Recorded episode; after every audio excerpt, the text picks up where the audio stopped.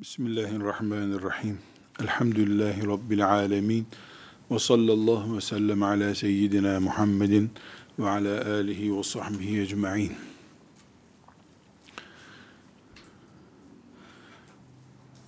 İslam tarihinin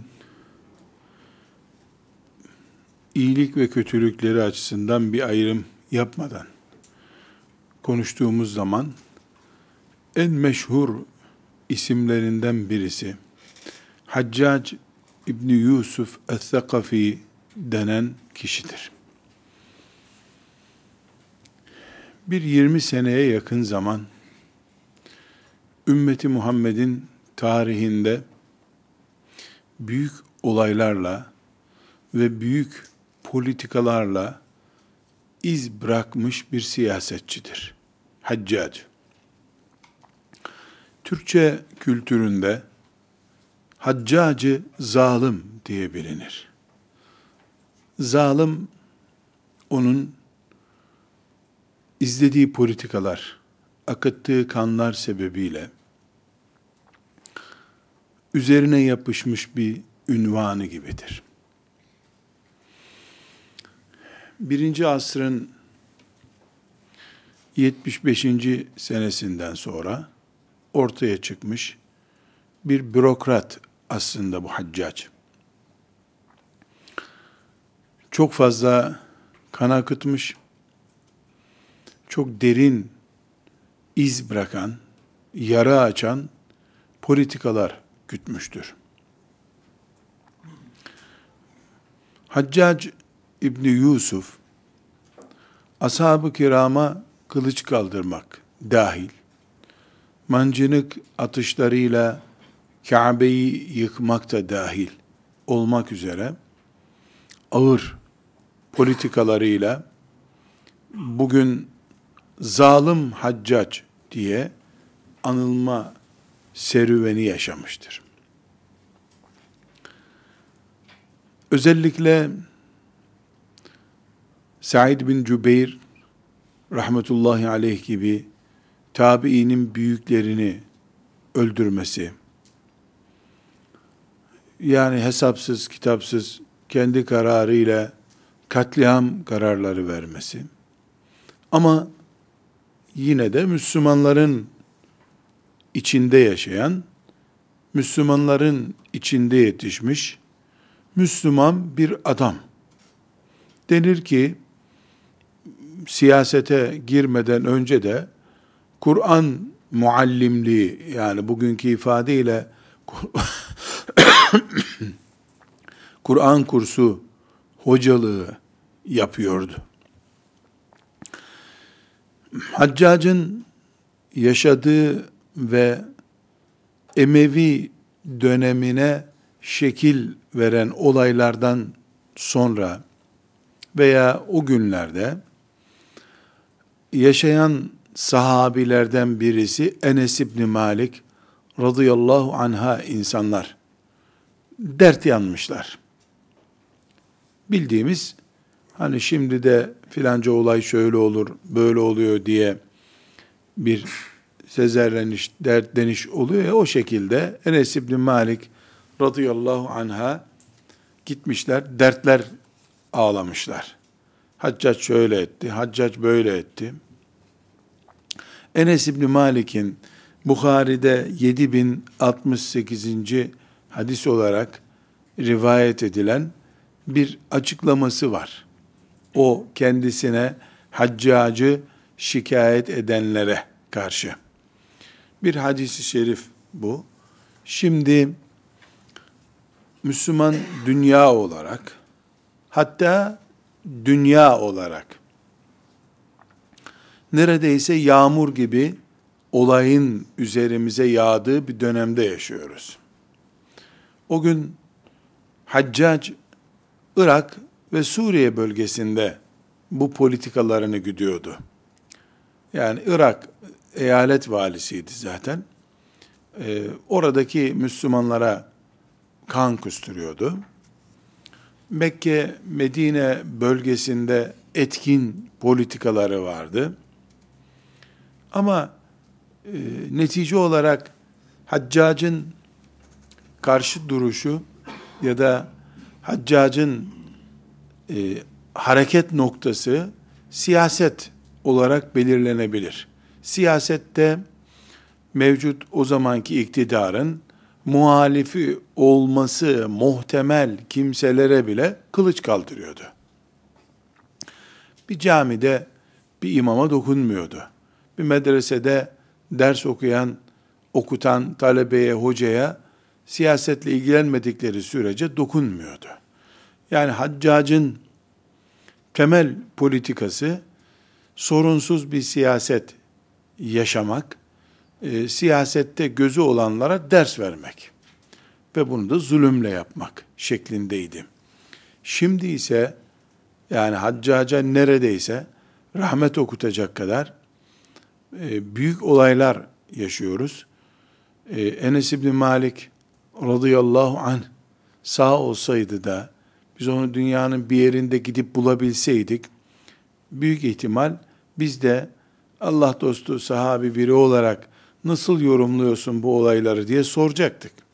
Kudüs'ü soracaktık, Yemen'i soracaktık, Suriye'yi soracaktık, Arak'ı soracaktık, Keşmir'i soracaktık, Endülüs'ü hatırlayacaktık, soracaktık. Bir sahabi bulmuşken çok şey soracaktık herhalde.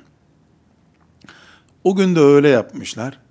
Hazır bir sahabi bulduk, e, bu olayları bize yorumlasın demişler. Enes İbni Malik gibi radıyallahu anh bir sahabi de o olayları yorumlayan bir cümle kullanmış. O cümleyi dinliyoruz. Bukhari'den. Diyor ki, İsbiru innehu la ye'ti aleykum zamanun illa ellezî ba'dehu şerrun minhu hatta telkav rabbekum semi'tuhu min nebiyyikum sallallahu aleyhi ve sellem.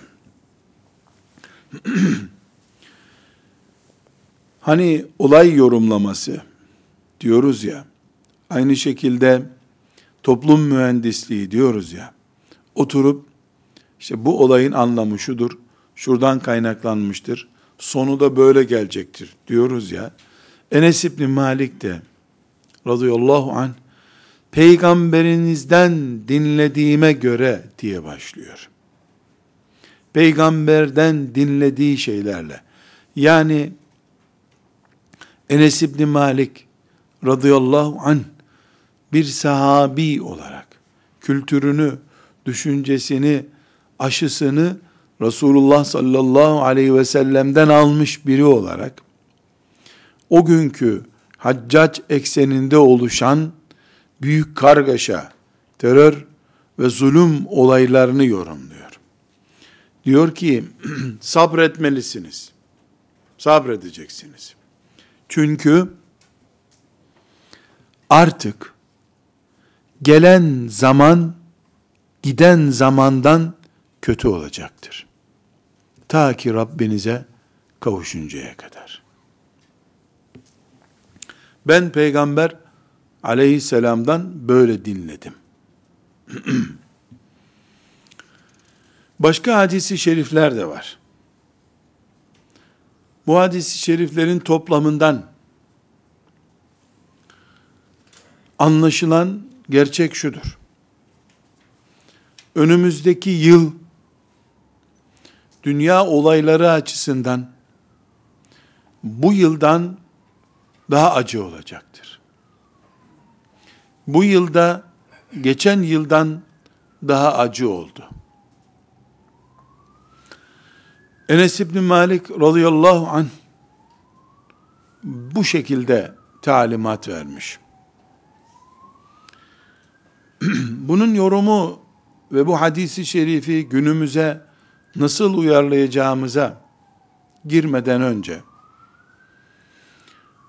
Enes İbni Malik'in radıyallahu anh bu sözü söylediği tarihin üzerinden hicri takvimle 1390 seneye yakın zaman geçti. Veya 1380 sene. Net gününü bilmiyoruz. Ama Haccac 95'li yıllarda öldüğüne göre bu da Haccac, Haccac'tan yani 5-6 sene, 7-8 sene önce söylendiğine göre rakam belli. Bu sözün söylendiği günden bugüne kadar yani Haccac'ın katliam yaptığı, Müslümanlara acı verdiği günden bugüne kadar yılları olay bazında tasnif ettiğimizde işte 105. sene, 135. sene, 180. sene diye böyle çok uzun bir liste olmasın diye onar yıllık limitler şeklinde 10 yıl, 10 yıl, 10 yıl, 110, 120, 130 diye tasnif edelim kolay olsun. Her 10 yıllık bir bölümde meydana gelen olayları, Müslümanların karşılaştığı sorunları tablo olarak yaptığımızda Enes İbni Malik radıyallahu anh'ın bu sözü söylememiş olduğunu kabul etsek bile doğru olduğu ortaya çıkıyor. İslam topraklarında meydana gelen siyasi, askeri ve doğal olayların listesi ve bu listenin yorumlanmasıyla ortaya çıkan gerçek şudur. Sabredin. Gelen her yeni yıl geçen eski yılı aratacak şekilde olacaktır. Nedeni de çok belli bunun. Çünkü Allahu Teala dünyayı huzur içerisinde yaşanacak sütlü, muhallebili, sütlaçlı, aşureli bir yer olarak yaratmamıştır. Dünya bir kere belalarla sınanma yeridir. وَلَنَبْلُوَنَّكُمْ وَلَنَبْلُوَنَّكُمْ Sizi muhakkak belalarla sınayacağız. Allahu Teala buyuruyor. Bir. iki bizim için çok önemli. Resulullah sallallahu aleyhi ve sellem Efendimiz, insanlığın insanlık olarak tırmanışının zirvesidir. Adeta bir piramidin en tepesine doğru Resulullah sallallahu aleyhi ve sellem çıkmıştır.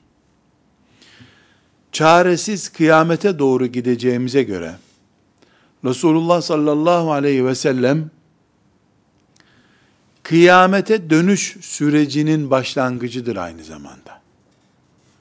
Nitekim ne buyuruyor?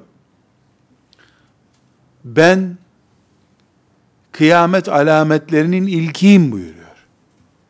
Kıyamet alametlerinin yani insanlığın kıyamete dönüş sürecinin başlaması Resulullah sallallahu aleyhi ve sellemle olmuştur. Binaenaleyh aşağıya doğru, kıyamette doğru insanlık yuvarlandığına göre bir çığ yuvarlanması gibi her gün, her sene bu yuvarlanmanın etkisinin biraz daha ağır olduğu döneme doğru gitmemizde bir sıkıntı yok. Hadis-i şerif yani Enes İbni Malik radıyallahu anh'ın söylediği söz bu açıdan normaldir. Resulullah sallallahu aleyhi ve sellem Efendimizin bu sözü Enes'e söylemesi, Enes'in de bize nakletmesi, temelde bizim ansızın karşılaşma sersemliği yaşamamamız içindir. Eğer Resulullah sallallahu aleyhi ve sellemin verdiği haberleri biz peygamber dinleyen bir mantıkla öğrenip uygulasak karşımıza çıkan haccac olayları da dahil haccaca rahmet okutacak olaylar da onun içinde olmak üzere bir sersemleme ile karşılaşmazdık. Nitekim Enes İbni Malik radıyallahu anh da bu olayları gördü. Hatta rivayet edilir, Enes İbni Malik de haccaçla karşılaştı. Onu da çağırdı. Siyasetle ilgisi olup olmadığına dair sorular soracaktı. Ama Enes etkilenmedi, şok geçirmedi, sersemlik yaşamadı. Eğer bugün Müslümanlar olarak biz karşılaştığımız olayların önünde kimliğimizi kaybediyorsak, ne edeceğimizi şaşırıyorsak ve artık iş bitti, bundan sonrası yok deyip neredeyse Müslümanlığımızı da dosyalarını kapatıp artık kendi evimizde ya da dağ başında ne kadar yaşarsak o kadar diyecek hale getiriyorsa olaylar bizi Enes İbni Malik radıyallahu anh'ın verdiği bu bilgiden yoksun olduğumuz için ya da bu bilgiyi bildiğimiz halde Enes'in buna inandığı gibi inanamadığımız için maalesef her olay duyduğumuz, gördüğümüz, yaşadığımız her hadise bizi biraz daha kendinden geçmiş, olayın sersemliği altında ezim, ezilmiş bir Müslüman olmamıza neden olmaktadır. Bizim bu Bukhari'deki 7068. hadis-i şerifi duymuş Müslümanlar olarak bizim hiçbir şey olmamış gibi Müslümanlığımızı yaşamak zorunda olduğumuzu anlatıyor. Hatta hiçbir şey olmamış gibi Müslümanlığımızı yaşamak zorunda olmamızın bir nokta daha ötesine rağmen her şeye rağmen İslamiyet'in geleceğini kurmak ve Müslümanlığımızı bütün insanlığa her şeye rağmen ulaştırma mecburiyetimizi haber veriyor. Eğer hocalık ve din öğretme sadece camide namaz kıldırmak ve çocuklara din dersi vermek şeklinde anlaşılıyorsa bile bile kendi intiharını hazırlamış bir ümmet olduk demektir. Nauzu billahi teala. Allah bu hale düşmekten muhafaza buyursun. Ümmetimiz hiçbir şekilde işi bitmiş ümmet olmayacaktır. Allahu Teala'nın kıyamete kadar kalmak için gönderdiği bir dinin işinin bittiğini zannetmek Allahu Teala'nın hesaplamasında hata olduğunu iddia etmektir. Bu da kafirliktir. Açık kafirliktir. ne zaman? Bu hesap yanlış. Allah hani kıyamete kadar kalacak diyordu. Amerika bitirdi ümmetin işini. Demek açık kafir olmaktır. Nauzu billahi teala.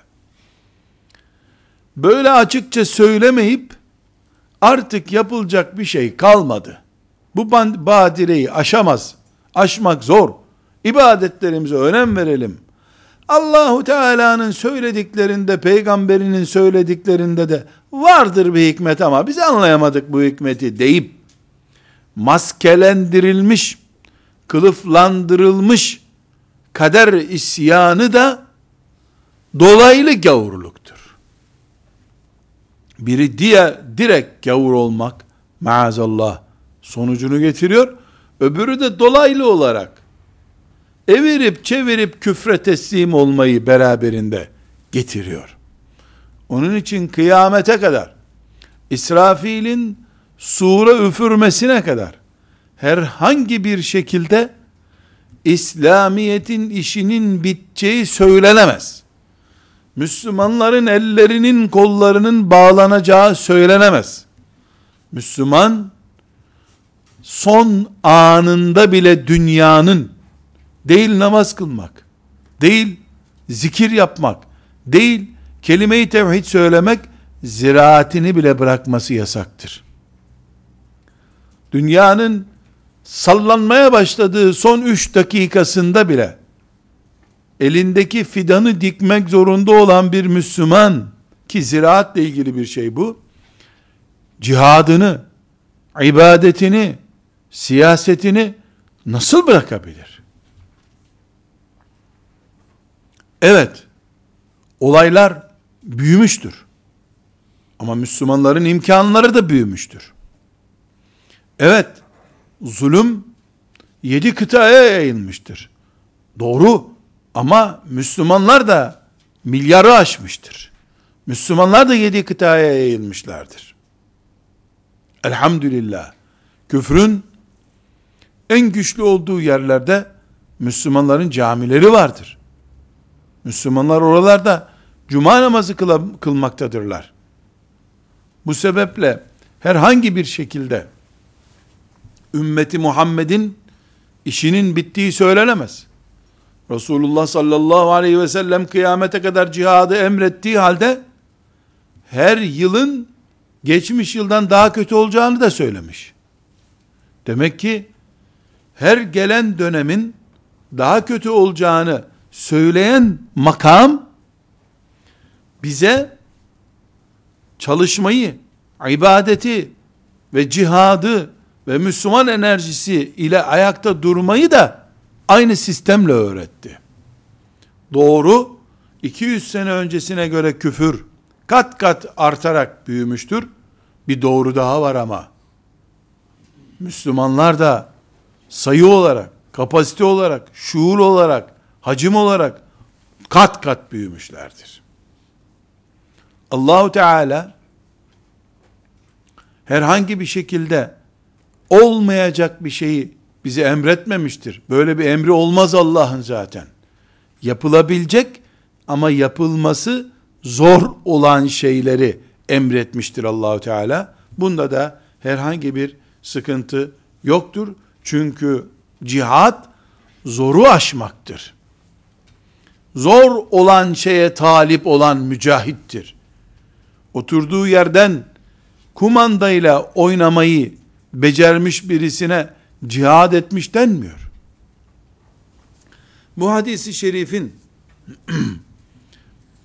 mesajını tahlil etmeye gelmeden önce, yani çalışın, sabredin, çalışın, gelen her yıl, geçen her yılı aratacak, ben peygamberinizden böyle duydum, sallallahu aleyhi ve sellem diyen Enes hadisinin tahliline girmeden önce, bu tür konuları konuşurken, hepimizin muhakkak bilmesi gereken bir hakikat var. Çünkü farklı hadislerde, Kur'an-ı Kerim'in ayetlerinde, biz bir zamanın kötülüğüne işaret eden talimatlar bulabiliriz.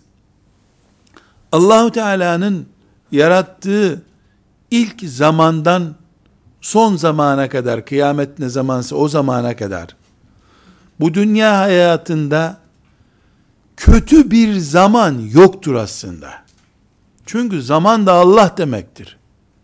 Yaratan odur. Yani 2010 yılı ve 2020 yılı Allah'ın yarattığı bir zamandır. 3020 de Allah'ın yarattığı bir zaman olacak. Varsa dünyanın öyle bir ömrü. Zamanın iyisi kötüsü olmaz. Zaman zamandır. Zamanı yaşayanların iyiliği kötülüğü söz konusu olur.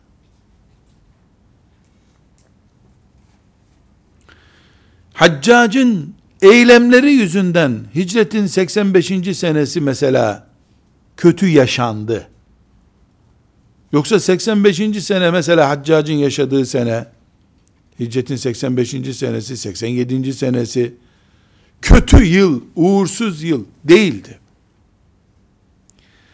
Biz bu ayrıntıya neden şu anda ihtiyaç duyuyoruz? Çünkü eğer ben kapasite olarak şer bir kapasitenin sahibiysem, Resulullah sallallahu aleyhi ve sellemin yaşadığı günde yaşasam, şer bir zaman yaşayacağım. Kendi çapımda. Hayır kapasiteli birisiysem, Varakat İbni Nevfel gibi, Resulullah sallallahu aleyhi ve sellemin peygamberliğini görmeden yaşasam bile, hayırlı bir insan olarak yaşayacağım. Hayır ve şerri, iyiliği ve kötülüğü, yaşayan insanlar barındırıyorlar. Zaman barındırmıyor.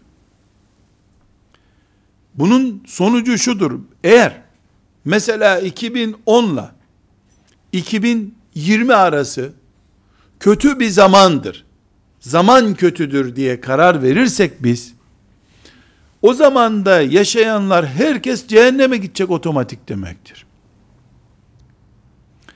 Allah'ın açtığı cennet kapıları da kapalı o günler demektir. Halbuki kıyamete kadar hiçbir şekilde Allah'ın rahmet kapıları kapanmayacak. Rahmete layık olanlar ve olmayanlar bulunacak. Şu zaman kötü zamandır sözü insanları kötüdür şeklindedir. Resulullah sallallahu aleyhi ve sellem Efendimiz her gelen yıl geçmişten daha kötü olacak buyururken her gelen yılın nesli geçmiş nesilden daha kötü olacak buyuruyor. Dolayısıyla biz yaşadığımız olayların kötülüğünü zamandan kaynaklanan kötülükler olarak görüp başımızdan savarız, aldanmış oluruz. Bu bir taktik. Yaşayan insanların zafiyetleri, dünyaya tapınmaları, Allah'ın rahmetini uzaklaştıracak, azabını çekecek tavırların sahipleri olmaları yüzünden kötü bir zamanda yaşarız bir de. İkincisi doğrudur bunun. Bizim şansımız kötü zamanmış deme hakkı kıyamete kadar hiç kimsede olmayacaktır. Benim bugün yaşadığım zamanla Ebu Bekir radıyallahu anh'ın yaşadığı zaman aynı zamandır. Ebu Bekir radıyallahu anh becerip zamanını sıddık olmak için değerlendirmiştir. Ebu Cehil ise aynı dönemin çocuğuydu. En kötü zamanında yaşadı insanlığın. Çünkü en kötü adamdı o. Asiye ile Firavun aynı günlerin insanlarıdırlar. Biri en kötü adam olarak en kötü zamanı yaşadı. Aynı günlerde Asiye insanlığın en değerli kadını oldu. Firavun için kötü olan şey, onun için en rahmetli günler o dönüştü. Dikkatinizi çekmek istiyorum.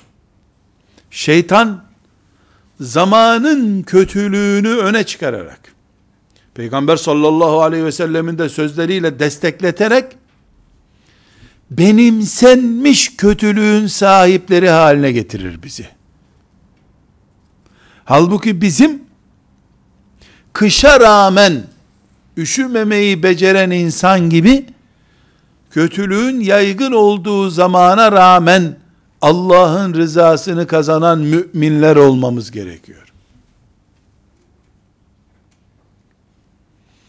Şimdi bu şartlarda Enes radıyallahu anh'ın bu hadisi şerifinin ışığında yola çıktığımızda biz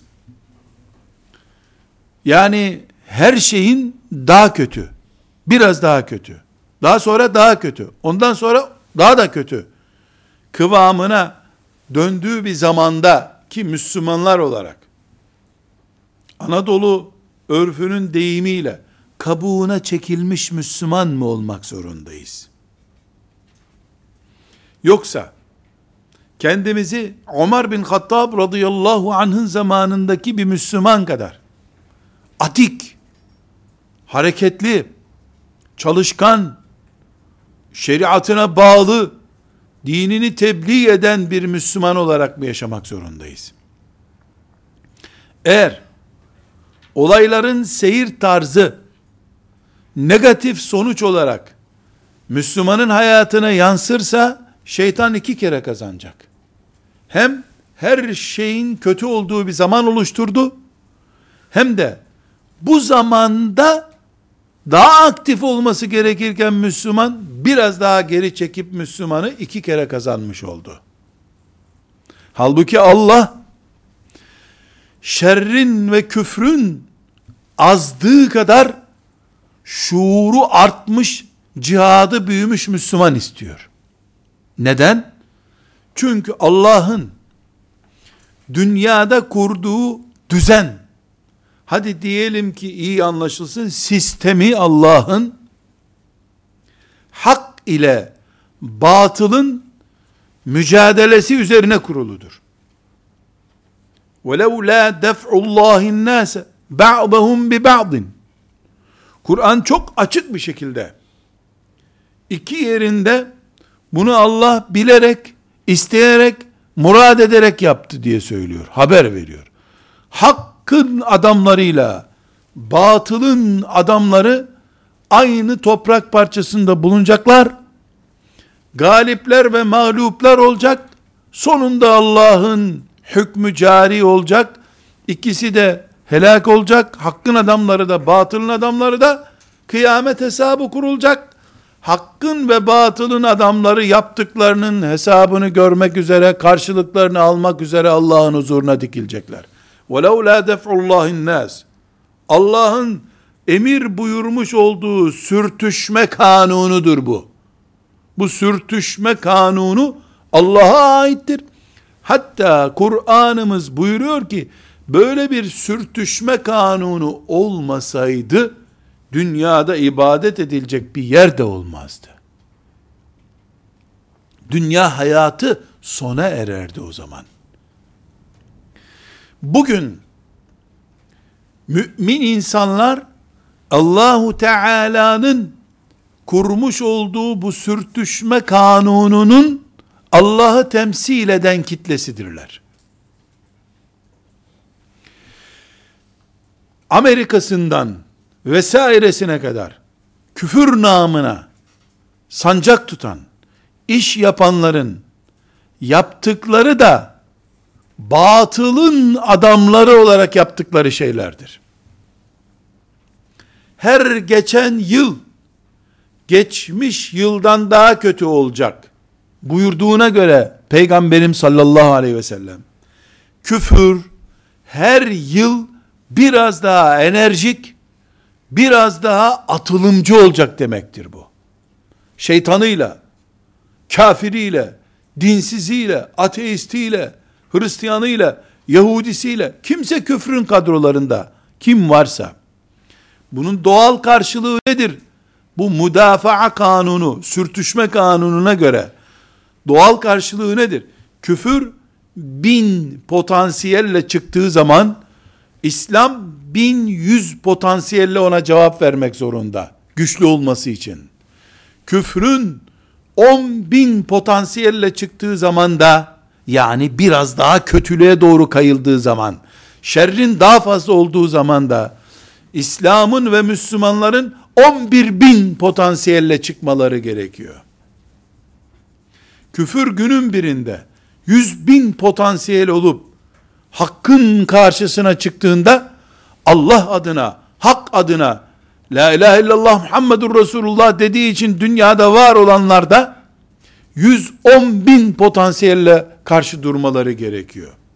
Çünkü İslam kaybetmemesi gereken, hep kazanmış durumda olması gereken kitlenin adıdır. Küfür güruhtur. Küfür sel çöpü gibi akar gider. Küfür volkan gibi patlar, kül savurur bir işe yaramaz. İslam bahçeleri olan, İslam sistemi bulunan ve insanlığı muhafaza eden gücün adı olduğu için, Müslüman aslında insanlık adına da bulunduğu için, küfür ise şeytanın direktifleriyle hareket ettiği için, insanlıktan ayrı cinler namına hareket eden, insan gibi iki ayağı bulunup yürüyen biri de olsa cin sömürüsü altında çalışan bir kadrodur küfür kadrosu. İslam ise insanlığı da korumaktadır. Aslında kafirin doğacak çocuğu da insan çocuğu olduğu için Müslümanların himayesi altındadır.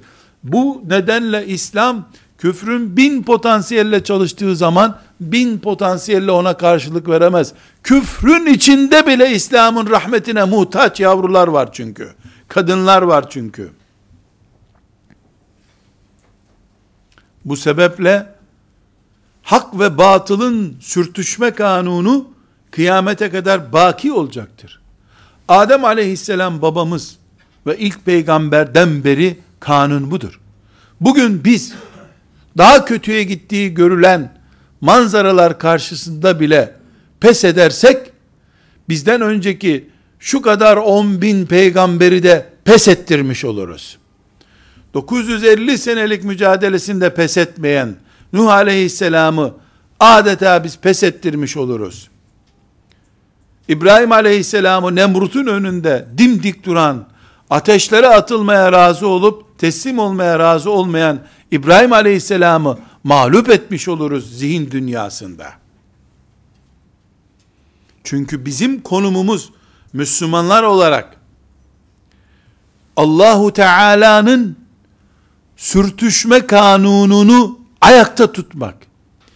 Bu kanunda tarafında bulunmakla şereflendirdiğimiz hak ve Allah adına yapılmış işlerin faili olarak yaşayıp ölmemiz gerekiyor bizim. Gelişen olaylar, büyüyen fitneler, adeta çaresiz gibi hissettiriyorsa bizi, en azından şehitlik çaremizin bitmediğini unutamayız. Her şeyin bittiği bu dünyada, Rabbimize şehit olarak kavuşma çaremiz bitmemiştir.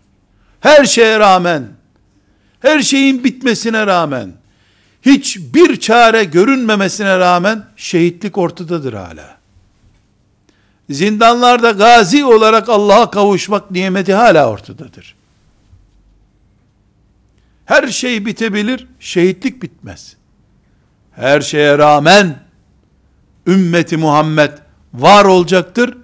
Her şeye rağmen bu ümmetten her bir fert kıyamete kadar tek başına ümmeti temsil etme kudreti ve heyecanıyla yaşamak zorundadır.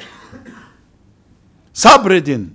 Gelecek şiddetli olaylara gebedir diyen Enes İbni Malik radıyallahu anh bize bu mesajı vermektedir. Belki olayların tarzına göre, yoğunluğuna göre taktik değişiklikleri olabilir. Ama akide değişikliği yapamayız. İmanımız ve heyecanımızdan asla taviz veremeyiz. Ama 100 sene öncesine göre şu olan mücadele tarzımızı 200 sene sonra bu tarza değiştirebiliriz. Hiçbir şekilde Allah'tan umut kesmemiz, ümmetimizin biteceği manasında bir anlayışa yer veremeyiz beynimizde. Bu direkt veya dolaylı kafirlik olur Allah muhafaza buyursun. Ortada bir yanlışlık yok çünkü.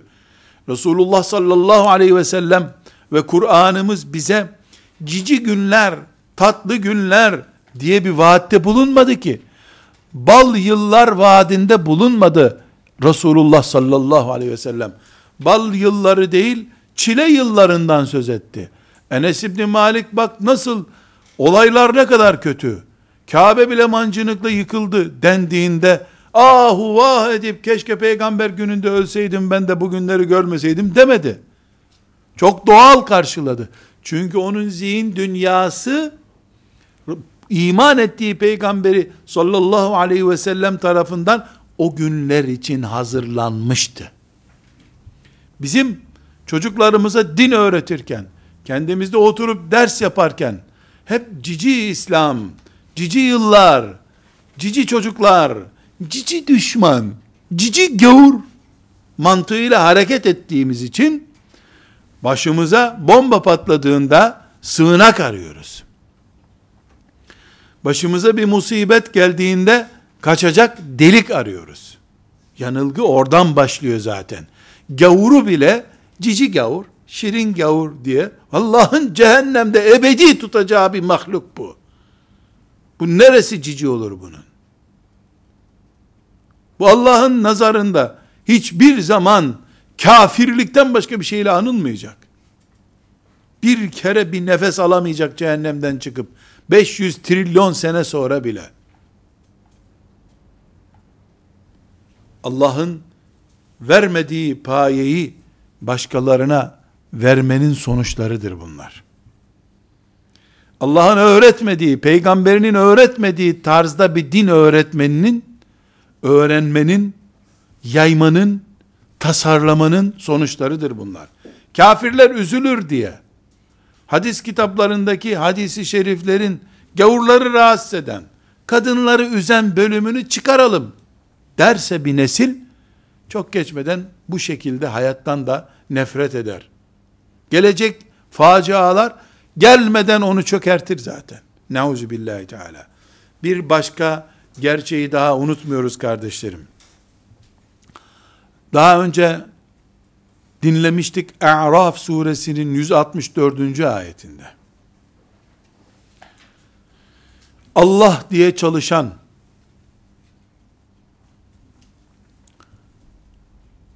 İslam o günkü İslam veya bugünkü İslam yayılsın, insanlar duysun diye çalışan ama kimsenin cevap vermediği, kimsenin tamam demediği gayretlerin sahiplerine ayet A'raf suresinin 164. ayeti dediler ya ve iz qalet ummetum minhum lime te'izuna kavmen illahu muhlikuhum ev muazzibuhum azaben şedida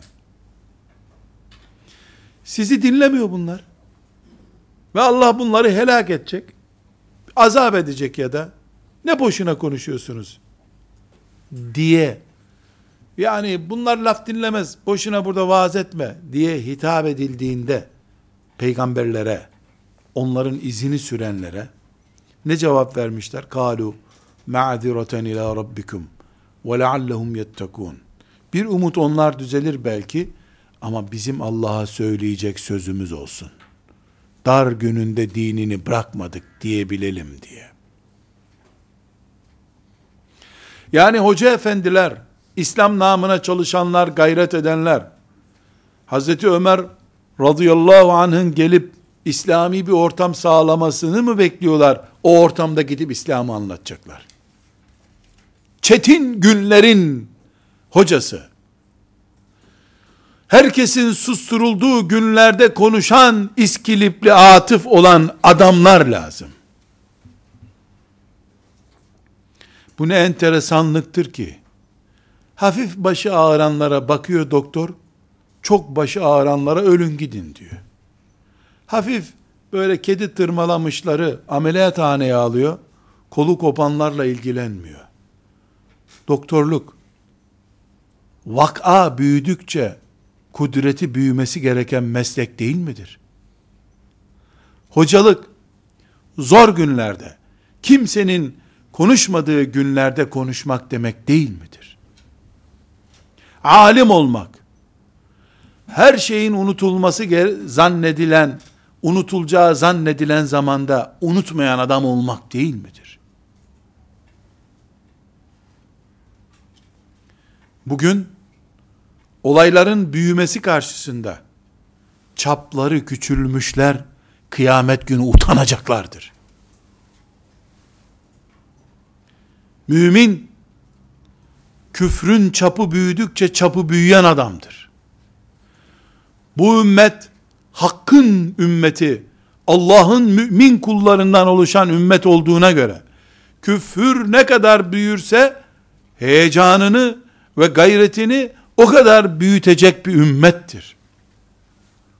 Bir gün küfür sıfırlanır ise ki o zaman hayat biter diyor Kur'an'ımız. O gün biz kenara çekilebiliriz.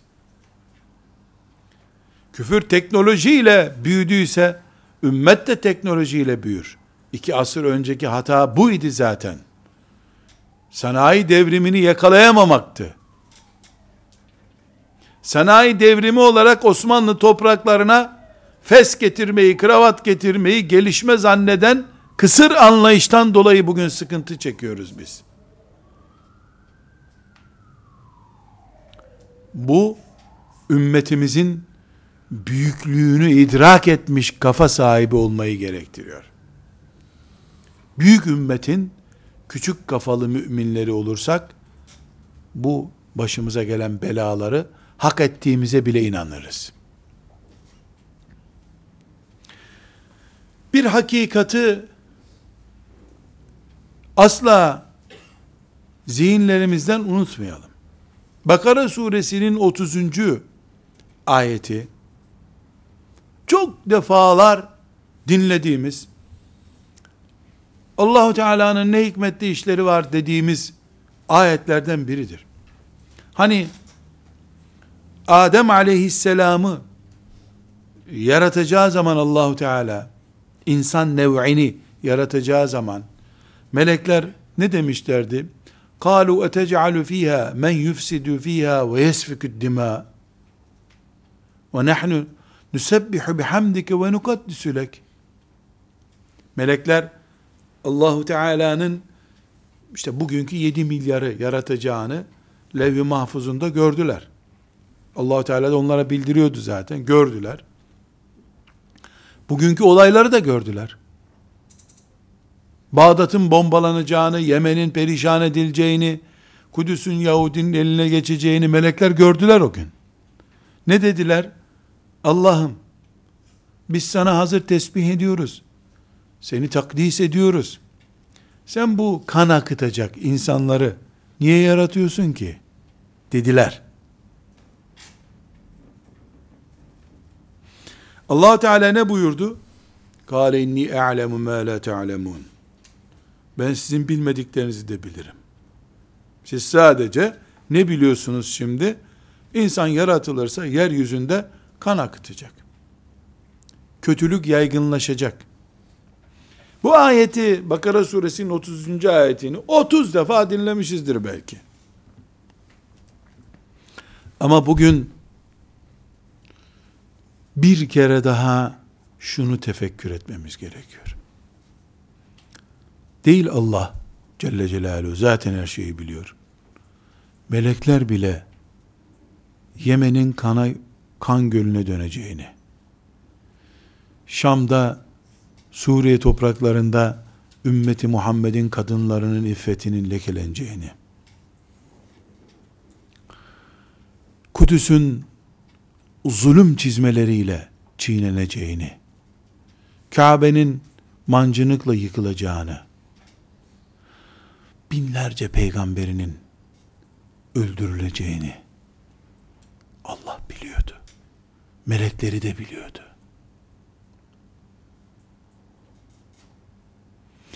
Bildiği halde Allah meleklerin bilmediği daha farklı şeylerden dolayı yarattı Adem'i. O bilmediği şeylerden biri meleklerin neydi biliyor musunuz? Sıddık bir Ebu Bekir'in çıkacağını onlar bilmiyorlardı. Sadece akacak kanı gördüler. Bir de bir şey daha biliyordu Allah. Melekler onu hesap edemediler. Hesap kitap anlamıyor melekler demek ki. Bir şey daha vardı. Neydi o? Milyonlarca kafirin yaşayacağı topraklarda tek bir mümin la ilahe illallah desin diye dünyanın insanla doldurulmasına değer olduğunu Allah biliyordu, melekler bilmiyordu. Onun için de inni a'lemu ma la ta'lemun sizin bilmediklerinizi biliyorum ben buyurdu.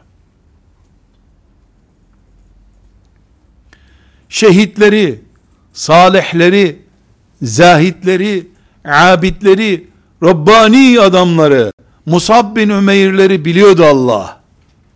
Evet onlar parmakla sayılacak kadar azdılar. Ama onların deyip değmeyeceğini biliyordu Allah. Belki iki ton gelen bir balinadan iki gram güzel misk kokusu çıkacağını biliyordu Allah. Balinayı iki ton, içindeki misk kokusunu da iki gram yarattı.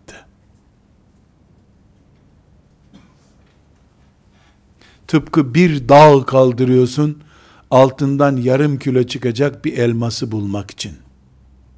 Kaldırdığın dağ katrilyonlarca kilo.